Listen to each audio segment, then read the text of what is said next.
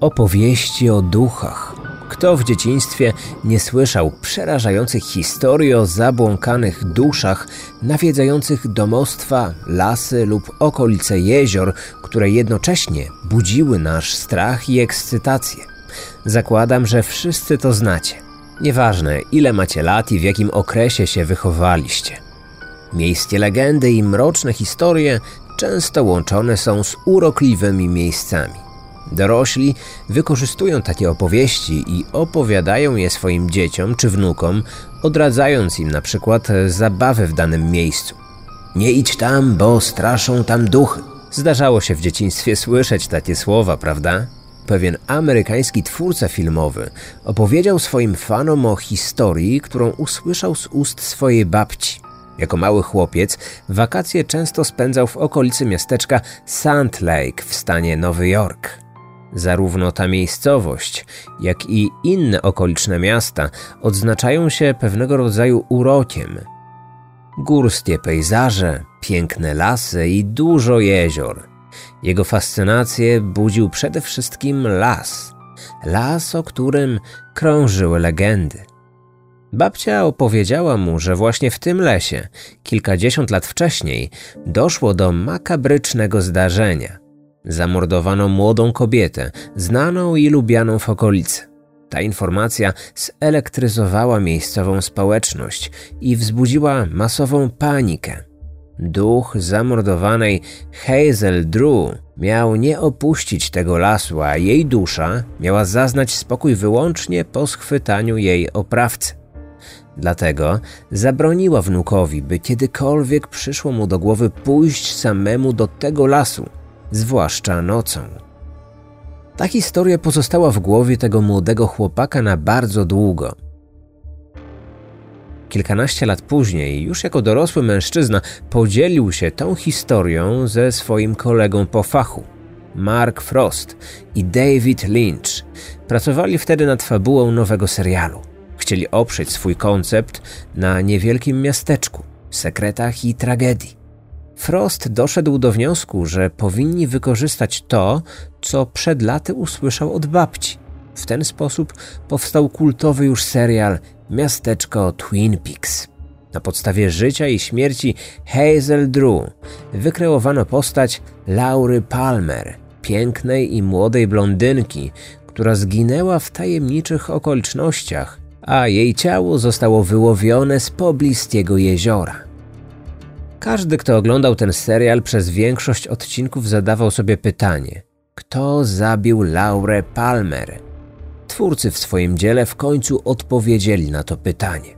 Jednak teraz skupmy się na tym, co stało się Hazel Drew. Żeby się tego dowiedzieć, musimy cofnąć się w czasie o ponad 100 lat. Kryminatorium Otwieramy akta tajemnic. Hazel Irene Drew urodziła się 3 czerwca 1888 roku w miejscowości Poston Kill w stanie Nowy Jork. Pochodziła z rodziny robotniczej, w której nigdy się nie przelewało. Miała pięcioro rodzeństwa i jako ta starsza od najmłodszych lat musiała radzić sobie sama. Zwłaszcza, że ojciec był alkoholikiem i nie potrafił utrzymać jednej pracy na dłużej. Prędzej czy później zwalniał się lub był zwalniany. To wiązało się również z tym, że rodzina Drew często się przemieszczała i zmieniała miejsce zamieszkania. Chwilę pomieszkali w Sand Lake, później w Troy, by znowu wrócić na chwilę do Sand Lake, a konkretnie na farmę wujka od strony matki. W 1902 roku, kiedy Hazel miała zaledwie 14 lat, podjęła się pierwszej pracy. W tamtym czasie młode kobiety i dziewczęta najczęściej pracowały w fabrykach przemysłowych. Jednak ciotka dziewczyny pomogła jej w zdobyciu zatrudnienia w domu polityka z partii republikańskiej. Hazel miała mu pomagać w domu i choć później jej rodzice wrócili na farmę wuja, ona pozostała w Troy, gdzie kontynuowała pracę. Matka i ojciec uznali, że tak będzie najlepiej. Uważali, że córka jest już wystarczająco dorosła, by żyć na własny rachunek.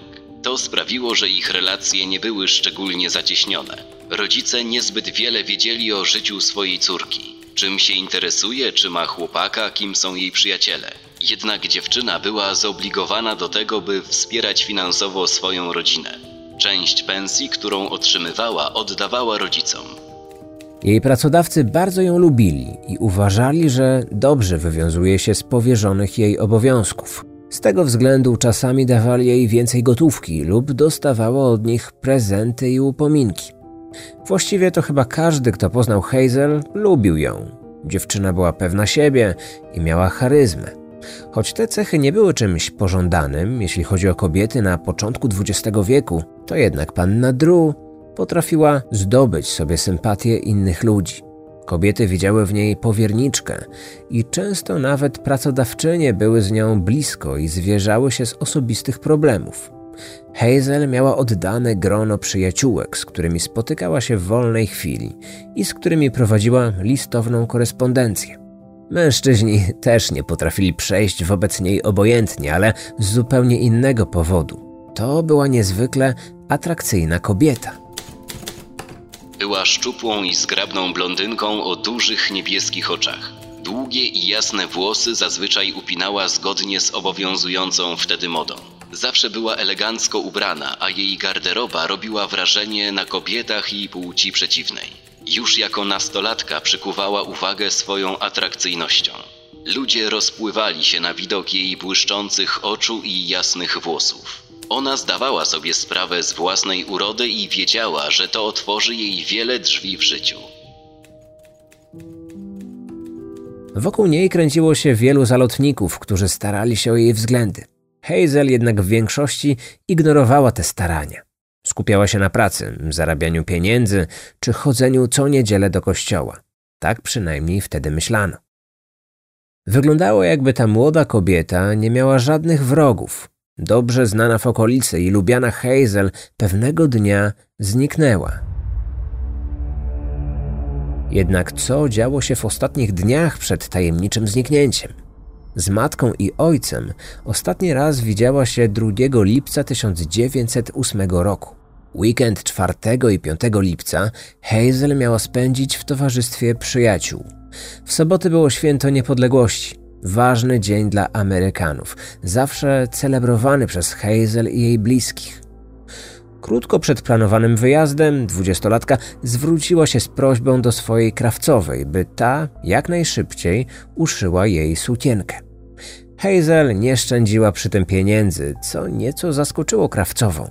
Wiedziała, że dziewczyna pracuje jako pomoc domowa, a jej pensja jest raczej skromna.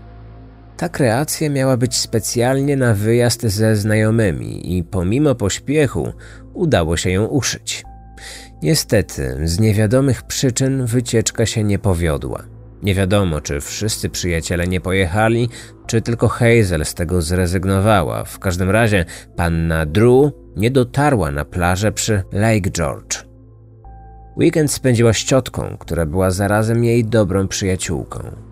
W poniedziałek młoda kobieta poszła do pracy. Jej szefowa poleciła, by wzięła się za zrobienie prania.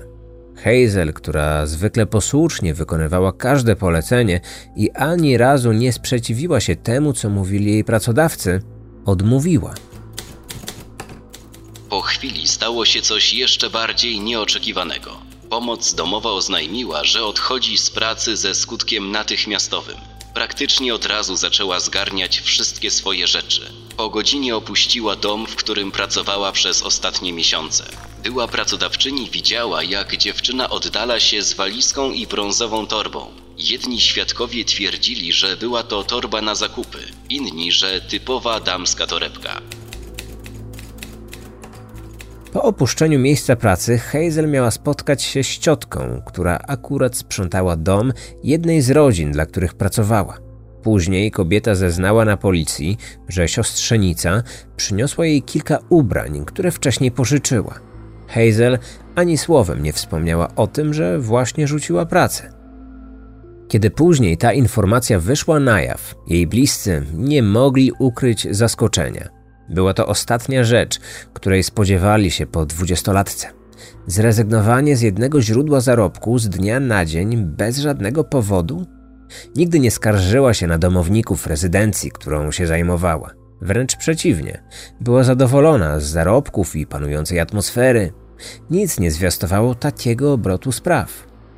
Tego samego dnia Hazel była widziana przez kilku świadków na stacji kolejowej. Jedna ze znajomych osób podeszła do niej i zagadała.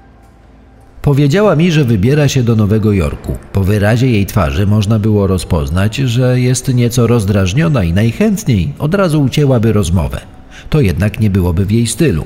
Ona nie powiedziała prawdy, okłamała mnie.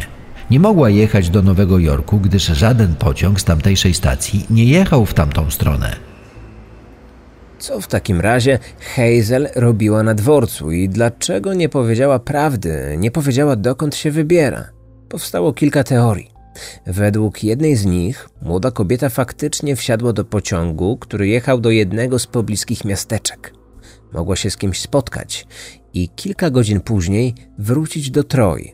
Inna teoria głosi, że Hazel nigdzie nie pojechała, tylko po prostu na kogoś czekała.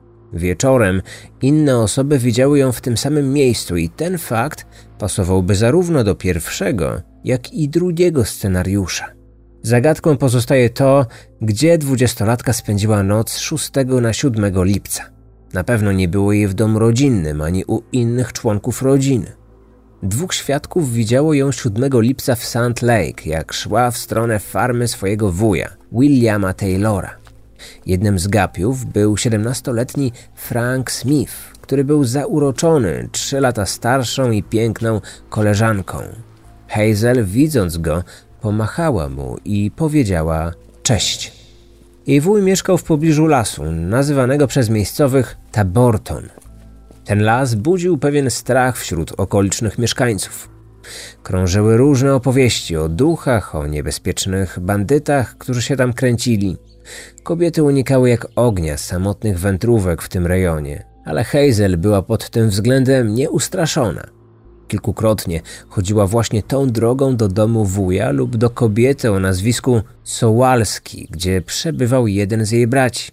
Kolejne osoby widziały ją już w innej lokalizacji, w dodatku w towarzystwie tajemniczego mężczyzny. Było to trochę dziwne, bo Hazel często podkreślała, że z nikim się nie spotyka i w najbliższym czasie nie ma zamiaru tego zmieniać. Ostatni raz widziano ją koło godziny 19.30. Potem ta dziewczyna przepadła.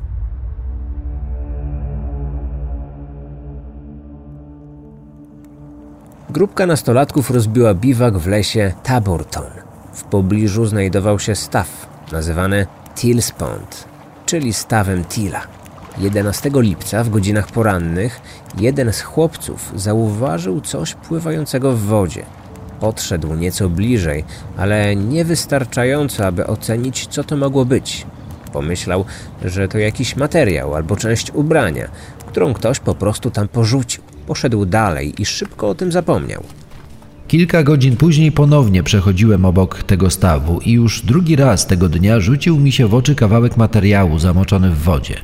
Jednak tym razem stałem w bliższej odległości od wód i mogłem bliżej się temu przyjrzeć.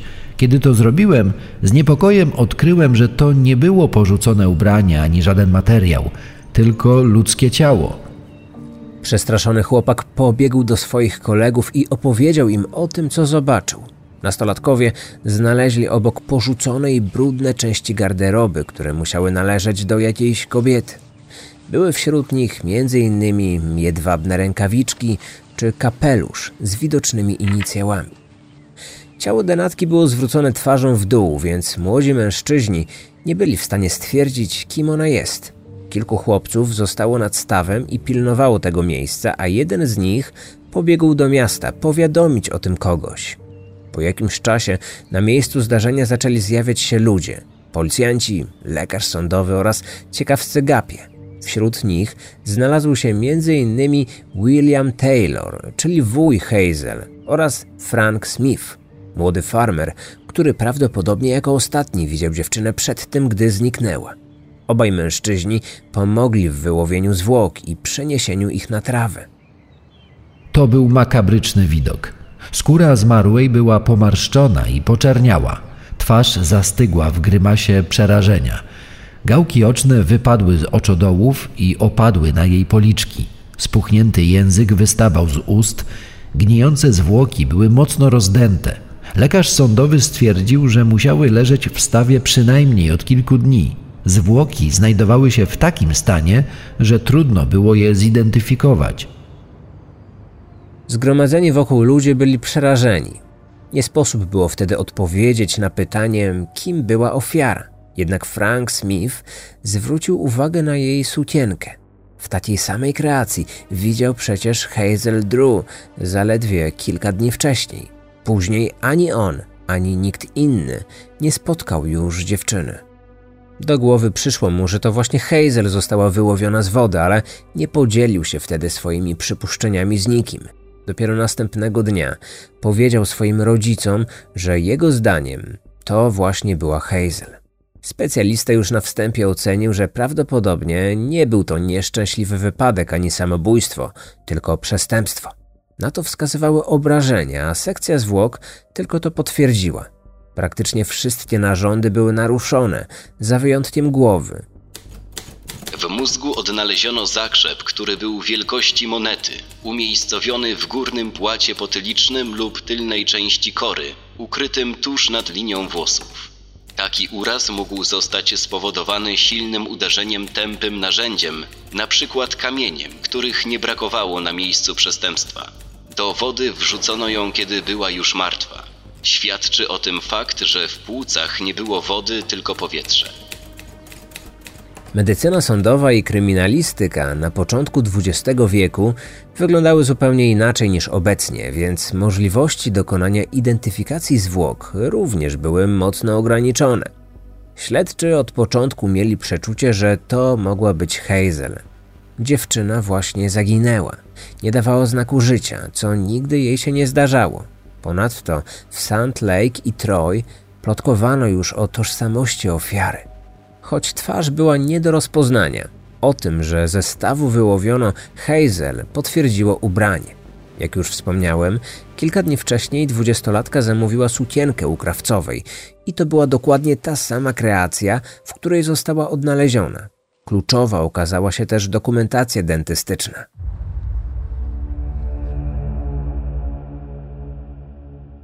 Wieść o zabójstwie młodej kobiety, która nie miała żadnych wrogów, wywołała panikę wśród mieszkańców Troy, Sand Lake i innych okolicznych miejscowości. To zwłaszcza kobiety były przestraszone i bały się nawet wychodzić z domu. Jeszcze bardziej nie chciano zagłębiać się w las, który od zawsze i tak cieszył się złą sławą. Temat został podchwycony przez ogólnokrajowe media i stał się tematem numer jeden. Fotografia zamordowanej kobiety pięknej i młodej, znalazła się na stronach najbardziej poczytnych gazet. Amerykanie domagali się odpowiedzi na pytanie, kto ją zabił. Śledczy uważnie prześledzili jej życiorys i odkryli parę zaskakujących faktów. Okazało się, że dziewczyna prowadziła drugie, sekretne życie. Na pozór była zwyczajną dziewczyną, która pracowała jako pomoc domowa. Wspierała finansowo rodzinę, wierzyła w Boga, miała oddane grono przyjaciół. To wszystko było prawdą, ale za jej historią kryło się coś więcej. Przede wszystkim nie była jedynie pomocą domową. Jej znajomi często nie mogli wyjść z podziwu, skąd Hazel bierze pieniądze na te wszystkie swoje zachcianki. Nie zarabiała dużo i tylko część wypłaty zatrzymywała dla siebie. Na rodzinę nie mogła liczyć, gdyż przecież sama dawała im gotówkę do ręki. Mimo to przyjaciółki zazdrościły jej pięknych strojów uszytych z niebyle jakich tkanin czy gustownej biżuterii.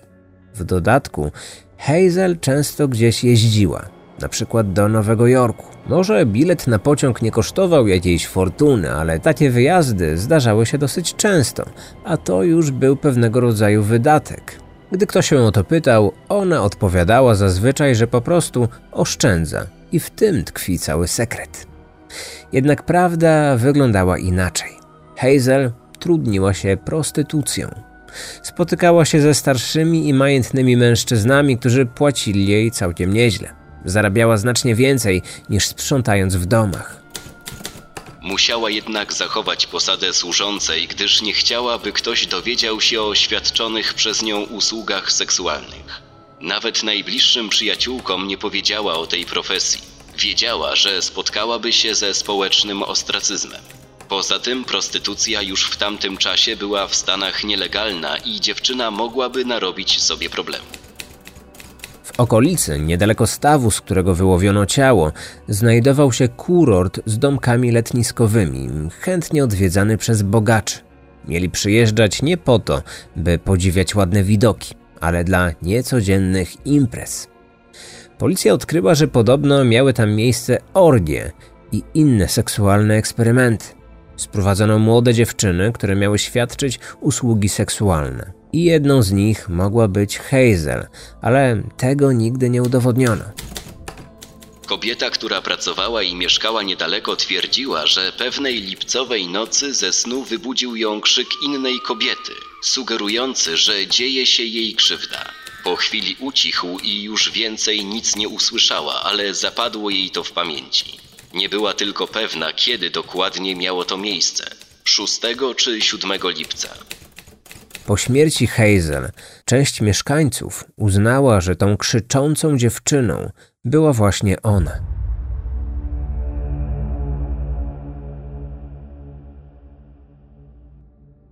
Ciekawa okazała się również zawartość walizki, z którą Hazel kilka dni przed śmiercią opuściła miejsce pracy. Było w niej wiele listów i kartek pocztowych.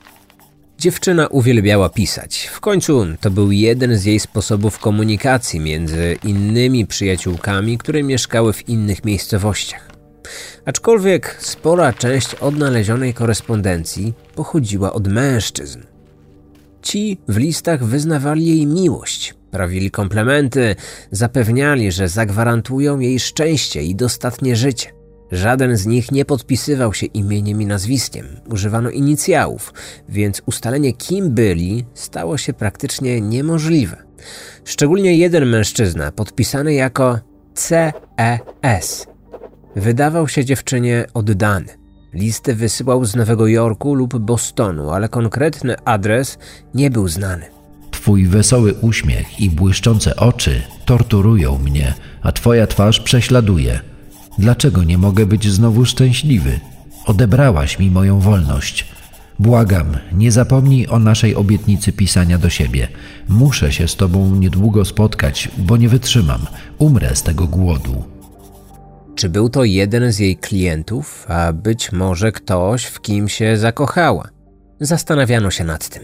Ponadto w ostatni dzień swojego życia Hazel była widziana w towarzystwie tajemniczego mężczyzny. Do dziś nie wiadomo kim był. Przecież z nikim się nie spotykała. Widok jej z jakimś mężczyzną, zwłaszcza spoza rodziny czy grona znajomych, był czymś zagadkowym. Na tej podstawie powstała pewna teoria. Jakiś czas przed śmiercią Hazel zachorowała i przez kilka dni nie była w stanie pracować. Ten czas spędziła na farmie swojego wuja. Niektórzy zastanawiali się, co jej dolegało i czemu trwało to tak długo, ale ona nigdy nie odpowiedziała. Pojawiły się wtedy plotki, że dwudziestolatka zaszła w ciążę i postanowiła dokonać aborcji. Zabieg nie powiódł się tak, jak tego oczekiwano i pojawiły się komplikacje. Dlatego przez dłuższy czas dochodziła do siebie. Niektórzy podejrzewali, że Hazel ponownie zaszła w ciążę. Być może za drugim razem podjęła decyzję, aby tym razem urodzić dziecko. A może poprosiła ojca dziecka o pieniądze na aborcję lub powiedziała mu o swojej decyzji, że chce zostać matką. Mężczyzna, z którym ją widziano, mógł być potencjalnym ojcem. W przypadku takiego scenariusza jest spore prawdopodobieństwo, że rozmowa z ukochanym nie przebiegła po jej myśli. Zdaniem specjalistów, którzy przebadali jej zwłoki, dziewczyna w chwili śmierci nie była w ciąży, ale nie wszyscy wierzyli w te zapewnienia.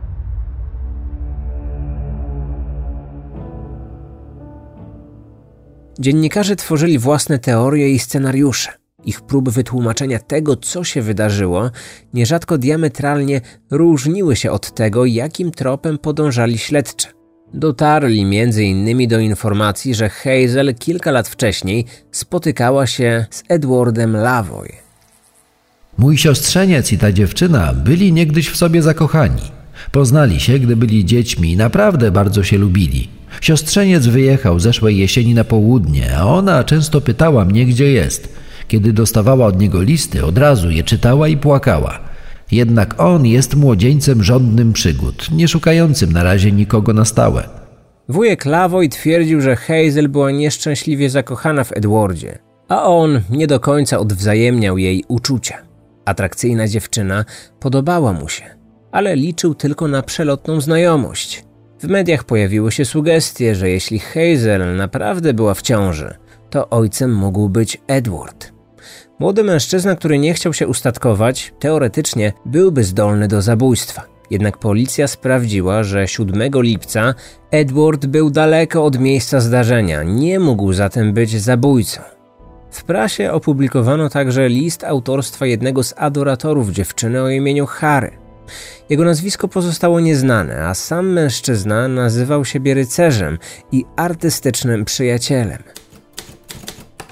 Zawsze sprawiałaś wrażenie, jakbyś należała do wyższej sfery. Była znacznie bardziej rozsądna, nowoczesna niż pozostałe kobiety, z którymi miałem do czynienia. Bardzo chciałbym Cię przeprosić za to, co ostatnio zaszło, że odezwałem się do Ciebie w taki niemiły sposób. Wybacz mi również te siniaki na Twoich nadgarstkach. Gdyby rycerstwo było w rozkwicie, powinienem żyć właśnie w ten sposób. Mieć miłe wspomnienie mojej blond włosej damy i być wiernym jej aż do śmierci. Rzuciło to pewne ciekawe światło na sprawę, choć policja nie za bardzo wiedziała, co z tym zrobić. Znali tylko imię tego gościa, co nie było czymś przydatnym. W samym Troj znalazłoby się pewnie wielu mężczyzn o takim imieniu, a pod uwagę należałoby wziąć również inne miasta, więc znalezienie tego właściwego Harego od początku było skazane na porażkę. Jednak w ich relacji ewidentnie pojawił się jakiś wątek przemocy. W końcu skruszony adorator przepraszał ją za siniaki na nadgarstkach i nieprzyjemne zachowanie. Skoro raz dokonał aktu agresji, mógł posunąć się o krok dalej i ją zabić. Jest to tylko domysł, gdyż nie pociągnięto tego wątku. Policja skupiła się za to na zupełnie innych rozważaniach. Ich pierwszym podejrzanym był Frank Smith. To on był jedną z ostatnich osób, które widziały ją przed śmiercią. Siedemnastolatek podobno miał obsesję na jej punkcie. Hazel wpadła mu w oko. Imponowała mu urodą, charyzmą i swoją pewnością siebie. Frank uchodził w okolicy za ekscentryczną osobę. Młody farmer jest uważany w okolicy za osobę niezbyt bystrą, czasami irytującą i denerwującą, jednak w głębi serca to naprawdę dobry dzieciak. Jest trochę głupkowaty, ale da się z nim pogadać. Od kiedy tylko ją poznał, często o niej mówił, nazywał ją najładniejszą kobietą w okolicy. Uczucie do Hazel było raczej jednostronne. Dziewczyna zawsze była dla niego miła i nie oceniała go jak inni. Często się z nim witała lub machała mu, czasami grzecznie do niego zagadywała. Mimo to nigdy nie widziała w nim kandydata na chłopaka. Frank od razu rozpoznał Hazel, kiedy tylko wyłowiono jej ciało z wody. Nikomu nie chciał o tym powiedzieć i dopiero następnego dnia swoimi przypuszczeniami podzielił się z rodzicami, a jego ojciec przekazał te informacje wujkowi martwej dziewczyny.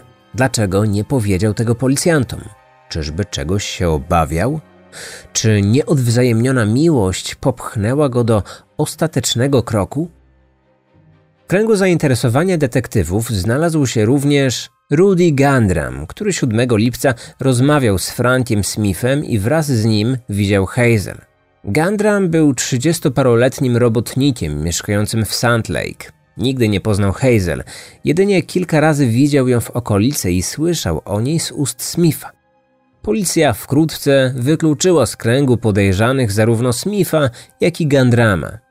Pierwszy z nich mógł mieć motyw, ale dowody nie przemawiały za jego udziałem w zdarzeniu. Drugi z kolei nawet nie znał ofiary. Dalsze podejrzenia padły na wuja ofiary, Williama Taylora. Mężczyzna prowadził własną farmę. Był starszym bratem matki Hazel. Rodzina Drew kilka razy pomieszkiwała u niego, jednak William nie mógł dogadać się ze swoim szwagrem. Mężczyźni często się kłócili. Być może Taylor nie przepadał za mężem siostry ze względu na jego alkoholizm i problem z utrzymaniem rodziny. Hazel niezbyt często go odwiedzała. Nie była do niego zbyt przywiązana, choć kilka miesięcy wcześniej przez jakiś czas z nim mieszkała. Wuj dziewczyny był wojowniczym i niestabilnym emocjonalnie człowiekiem. Miał historię przemocy, z której sąsiedzi i inne osoby ze społeczności zdawały sobie sprawę. Zaledwie rok przed śmiercią swojej siostrzenicy doszło do nieprzyjemnego zdarzenia. Mężczyzna pobił jednego z parobków, doszło do policyjnej interwencji. Zmagał się również z depresją i kilka lat wcześniej targnął się na swoje życie, podcinając żyły. Właściciel farmy dziwnie się zachowywał po odnalezieniu zwłok. Nie chciał uczestniczyć w identyfikacji ciała. Twierdził, że nie będzie w stanie rozpoznać swojej siostrzenicy, gdyż dawno jej nie widział i poza tym nigdy wystarczająco dobrze jej nie znał. Jego pasywna postawa wydawała się zastanawiająca. Wzięto pod uwagę jego wcześniejszą historię. Samobójcze skłonności, niepohamowaną agresję oraz stale towarzyszący mu smutek i przygnębienie. Spekulowano, czy choroba mogła wpłynąć na jego zachowanie i doprowadzić do zamordowania córki swojej siostry. Taylor zeznał, że ostatni raz widział siostrzenicę kilka miesięcy wcześniej, zimą, kiedy ta była chora i przebywała na jego farmie. Później, podobno, nie miał okazji się z nią zetknąć. Aczkolwiek według relacji innych świadków, na przełomie wiosny i lata mężczyzna był widziany w towarzystwie młodej kobiety, a jej opis pasował do Hazel. Czemu skłamał? Siostrzenica miała również pojawić się na farmie swojego wuja. To było kilka miesięcy temu, chyba w kwietniu. Dziewczyna poprosiła, abym ją gdzieś podwiózł. Oczywiście się zgodziłem. Towarzyszyła jej jakaś inna kobieta, chyba koleżanka. Zawiozłem ją na farmę wujka. Tym doniesieniom zaprzeczyła partnerka starszego brata Hazel. Zarówno ona, jak i jej partner mieli wtedy mieszkać u Taylora. Kobieta powiedziała, że ani w kwietniu, ani w późniejszym czasie Hazel nie zjawiła się na farmie. Kto mówił prawdę? Nie rozstrzygnięto tego do dziś. Choć William Taylor był na szczycie policyjnej listy podejrzanych, z czasem uznano, że nie zabił dziewczyny. Stwierdzono, że jego dziwaczne zachowanie wynikało ze straty, którą poniósł wcześniej, kiedy zmarła jego żona. Nie miał powodu, dla którego miałby uśmiercić Hazel. Według innej z hipotez 7 lipca Hazel nie wybierała się wcale na farmę wuja, tylko do domu kobiety o nazwisku Sołalski. Ta pani była już po sześćdziesiątce i mieszkała z synem. Również prowadziła gospodarstwo i w wakacje 1908 roku na jej farmie zjawił się jeden z braci Hazel, który pomagał w pracach. To prawdopodobne, że starsza siostra chciała go odwiedzić. Aby tam pójść, musiałaby wybrać podobną trasę jak ta do domu wujka. Syn gospodyni, wtedy 33-letni Tom, stał się kolejną ważną postacią w toku tego śledztwa. Był dobrze zbudowanym i silnym mężczyzną, o którym mówiło się, że nie jest do końca sprawny psychicznie. Plotkowano o nim i jego tendencjach do przemocy wobec zwierząt na farmie, w szczególności wobec krów i koni. Brat ofiary bał się go i powiedział policji, że mężczyzna jest duży i niegrzeczny. Kolejna osoba z problemami z agresją i zdrowiem psychicznym znalazła się na celowniku detektywów. Uważano, że skoro Tom znęcał się nad zwierzętami, to ta przemoc mogła eskalować i wyładowanie na krowach czy koniach przestało być wystarczające. Sugerowano, że Hazel była przypadkową ofiarą, która znalazła się w nieodpowiednim miejscu o nieodpowiedniej porze. Tom twierdził, że 6 lipca pojechał do Troy i nie było go w Sand Lake tamtej nocy, jeszcze kolejnej. Z kolei jego matka i sąsiedzi mówili, że mężczyzna wieczór, w którym doszło do morderstwa, spędził w domu. Inny świadek zeznawał, że 7 lipca wieczorem widział Toma w towarzystwie Franka Smitha. Nie wiadomo, jak wyglądały relacje tych dwóch mężczyzn, jak dobrze się znali. Niektórych nurtowało pytanie, czy wspólnie mogli dokonać tego przestępstwa. Policja nie poszła tym tropem. Tom miał zostać ponownie przesłuchany, ale do tego nie doszło, więc nie wyjaśniono rozbieżności w zeznaniach.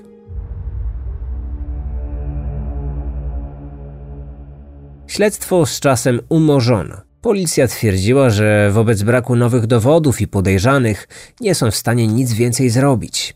Zagadkowa śmierć pozostała nierozwiązana. Wkrótce dziennikarze, którzy nakręcali ten temat, skupili uwagę na nowych sprawach. Zainteresowanie tym zabójstwem zmalało, jednak mieszkańcy stanu Nowy Jork nie byli w stanie zapomnieć o tym, co wydarzyło się w wakacje 1908 roku. Hazel nadal żyło w ich opowieściach i w pamięci. I w ten sposób starsza kobieta raczyła swojego wnuka Marka opowieściami o tajemniczym lesie i pięknej dziewczynie, której duch nawiedza tamtejsze tereny, gdyż jej zabójca nigdy nie został ukarany. Dzięki serialowi Miasteczko Twin Peaks i postaci Laury Palmer o tajemniczej śmierci w Sand Lake znowu zrobiło się głośno. Choć minęło już 114 lat i oficjalnie nie ma już szans na rozstrzygnięcie, co się wtedy wydarzyło, to jednak fani produkcji bardzo zaangażowali się w ten wątek. Sprawą szczególnie zainteresowali się dwaj mężczyźni. Postanowili prześledzić akta i wszystkie dokumenty, które się zachowały. Kilka miesięcy temu premierę miał reportaż autorstwa Davida Bushmana i Marka Givensa pod tytułem Murder at Tills Pond. Oprócz dokładnego opisania śledztwa, autorzy zaproponowali swoją własną tezę odnośnie tego, kto zabił. Uważają, że zabójców było dwóch. W dzień śmierci Hazel świadkowie widzieli, jak w okolicy Taborton przemieszcza się dziwny pojazd, a w środku było dwóch mężczyzn. Dziwny, bo już z daleka można było zauważyć, że tylko ktoś bogaty mógłby sobie na niego pozwolić, więc nie pasował do części miasta, w której żyli raczej niezbyt zamożni. Jeden z mężczyzn miał dwadzieścia kilka lat. Był średniego wzrostu o włosach i wąsach w odcieniu piaskowego blondu. Miał lekką budowę ciała, jasną karnację skóry. Nosił brązowy, słomkowy kapelusz. Mężczyźni dziwnie się zachowywali. Unikali patrzenia na przechodzących obok ludzi, zupełnie jakby bali się zostać dostrzeżeni i zidentyfikowani. Świadkowie twierdzili, że widzieli ich w okolicy stawu. Początkowo policjanci zignorowali te doniesienia, ale w końcu zaczęli je weryfikować. Dokładny opis powozu oraz koni i częściowy rysopis dwóch mężczyzn pozwolił dotrzeć do ich tożsamości. Okazało się, że byli nimi William Cushing i Fred Schatzel. Dwaj przyjaciele pochodzący z Troy. Obaj byli zaangażowani w działalność partii republikańskiej i mieli znajomości w kręgach władzy. Cushing zeznał, że faktycznie był w Sand Lake 7 lipca, ale w powozie poza nim była kobieta, z którą wybrał się na schadzkę. By nie postawić damy w złym świetle, nie zgodził się na podanie jej nazwiska. Było to jednak podejrzane, gdyż powóz pochodził z wypożyczalni i wypożyczono go na fałszywe nazwisko, które brzmiało bardzo podobnie do Schatzel. Śledczy mieli przeczucie, że to przyjaciel Cushinga wypożyczył powóz i towarzyszył mu. I tutaj pojawia się pewien nieoczekiwany zwrot akcji. W śledztwie brało udział kilku detektywów. Stróże prawa również wykazali polityczne aspiracje, a sympatię darzyli republikanów. Jeden z nich miał się nawet spotkać z mężczyzną o piaskowych włosach i wąsach, którym mógł być Cushing. Wkrótce śledztwo stanęło w martwym punkcie i ostatecznie zostało umorzone. Rodziny, u których Hazel pracowała, też byli aktywnie działającymi republikanami, zwłaszcza małżeństwo, u których pracowała 5 lat, a nagle z dnia na dzień została zwolniona i zastąpiona nową kobietą. Dlaczego straciła pracę? Tego nikt nie wiedział. Jej drugi szef, bogaty kupiec, też miał podobne polityczne przekonania. Młoda kobieta, która była dociekliwa i pewna siebie, w trakcie wykonywania swoich obowiązków mogła usłyszeć coś, czego nie powinna. Zdobytą wiedzę mogła wykorzystać do szantażowania i zgarniania korzyści finansowych. To mogłoby wytłumaczyć, skąd zawsze miała przy sobie pieniądze. Wyżej postawieni republikanie mogli zlecić jej zabójstwo młodym mężczyznom, którzy stali znacznie niżej w hierarchii. Cushing i Schatzel mogli działać na zlecenie. Po śmierci Hazel obaj stali się większymi graczami w partii i zyskali dobrze płatne posady. Czyżby była to forma zapłaty za wykonane zadanie? Hazel mogła być też uwikłana w romans z jakimś wpływowym politykiem i ten, w strachu, że dwudziestolatka ujawni prawdę, kazał się jej pozbyć. Potencjalni zabójcy mogli działać z własnej inicjatywy. Istniała spora szansa, że znali Hazel, pochodzili z Troy i mieszkali w okolicy, która była dziewczynie dobrze znana. Choć William i Fred byli kilka lat od niej starsi, nie była to jakaś znacząca różnica wieku. Poza tym, biorąc pod uwagę, że Drew świadczyła usługi seksualne, mogli być przecież jej klientami. Myślę, że oni się znali i to bardzo dobrze. To nie jest nie wiadomo jak duże miasto. Większość tak naprawdę zna się nawzajem. Oni mieli przecież rodzeństwo w jej wieku, więc mieli wiele sposobności, by się z nią zapoznać. Naprawdę trudno byłoby mi uwierzyć w to, że ta trójka nie miała ze sobą żadnej styczności. Zwolennicy tej teorii uważają, że ci dwaj mężczyźni, przejeżdżając powozem przez okolice, zauważyli idącą Hazel i zaproponowali jej podwózkę. Młoda kobieta, która mało czego się bała, mogła się zgodzić, zwłaszcza jeśli faktycznie się znali. Co stanowiłoby w takim przypadku motyw? Możliwe, że chcieli nawiązać z nią relację o charakterze seksualnym, albo już takowa istniała. Jeden z nich mógł mieć z nią romans, który chciał wtedy zakończyć. Po 114 latach nie sposób odpowiedzieć na pytanie, kto i dlaczego zabił. Ale autorzy publikacji są niemal pewni, że zbrodni dokonał Cushing, działając wspólnie w porozumieniu z Szacylem. Przekonują, że liczne powiązania z republikanami i styl życia zamordowanej nie mogły być przypadkiem. W dodatku, sposób w jaki wyciszono ten wątek przez detektywów, którzy mieli podobne poglądy polityczne, też wydaje się co najmniej zastanawiający. Fragment sponsorowany. W oczekiwaniu na nowy odcinek Kreminatorium chcę Wam polecić inny cykl. Chodzi o podcast o tytule Wszystko co ważne, stworzony przez markę Skoda. Jest to seria wywiadów z najpopularniejszymi polskimi podcasterami, którzy zdradzają tam nieco więcej ze swojego prywatnego życia. Kilka dni temu pojawiła się tam także rozmowa ze mną, a wcześniej wystąpili tam także tacy twórcy jak Joanna Okuniewska, Remigiusz Maciaszek czy Karol Paciorek. Zachęcam do odsłuchu. Podcast Wszystko co ważne znajdziesz na YouTube, Spotify lub wszędzie tam, gdzie słuchasz podcastów. Link do odcinka z moim udziałem zostawiam także w opisie tego materiału.